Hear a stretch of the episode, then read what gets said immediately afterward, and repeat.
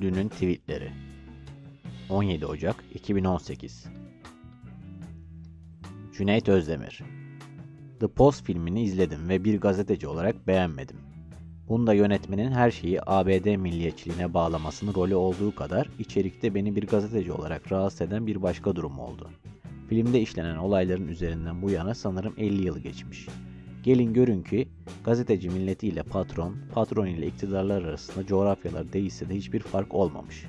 İktidarlar hala patronlara baskı yapıyor, patronlar karınca kararınca buna direniyor ama en açıklısı gazeteciler ile patronlar arasındaki ilişki modeli.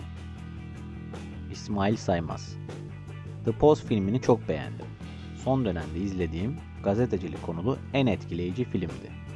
Basın özgürlüğü ve hukuk bakımından 2018 Türkiye'sinden 1970'ler Amerika'sını kıskanarak ve imrenerek izledim. T24 ABD Dışişleri Bakanı'ndan Suriye açıklaması Ragıp Soylu Tillerson'ın Suriye konuşmasını öne çıkanlar Esasız Suriye çıkışı oldukça güçlü yapıldı. Obama döneminden beri en güçlü gerekçelendirme yapıldı. ABD askeri varlığını DAEŞ'in hem fiziken hem yer altında yok edilmesine bağladı. Türkiye'siz çözüm olmaz sinyali verdi.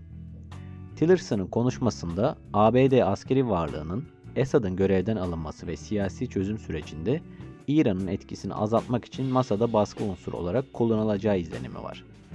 Tillerson'dan can alıcı SDF konseyleri mesajı. Geçici yerel siyasi düzenlemeler Suriye'de daha büyük bir siyasi çözümü destekleyen tüm gruplara ve etnisitelere ses vermeli ve uluslararası destekle ortaya çıkmalı. Gerçekten temsili olmalı ve komşu ülkeleri tehdit etmemeli.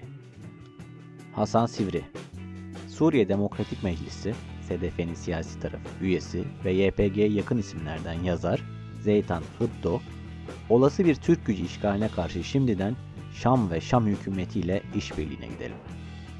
İsmail Saymaz İstanbul Küçükçekmece'deki Kanuni Sultan Süleyman Eğitim ve Araştırma Hastanesi'ne 5 aylık süreçte gelen, yaşları 18'in altında 39 Suriyeli 115 çocuğun hamile olduğu tespit edildi. Korkunç. Cübbeli Ahmet Hoca Devletimizin kurucusu Atatürk'ün aleyhine konuşarak tasavvuf ehline sövdüren bu zihniyeti lanetliyorum. Birliğe en ziyade muhtaç olduğumuz bu dönemde uykuda olan fitneyi uyandıranlar melundur. Bu provokasyonculara karşı uyanık olalım. Özlem Özcan Tokay Kelimeler parmak izi gibidir. Sahibini ele verir. Ahmet Ümit Gün gelir anımsar bizi bu sokaklar. Dar kaldırımların gölgelerimizi özleyeceği tutar. Sene 1989 Sokağın Zulası İlk göz ağrım, ilk acemiliğim, ilk heyecanım.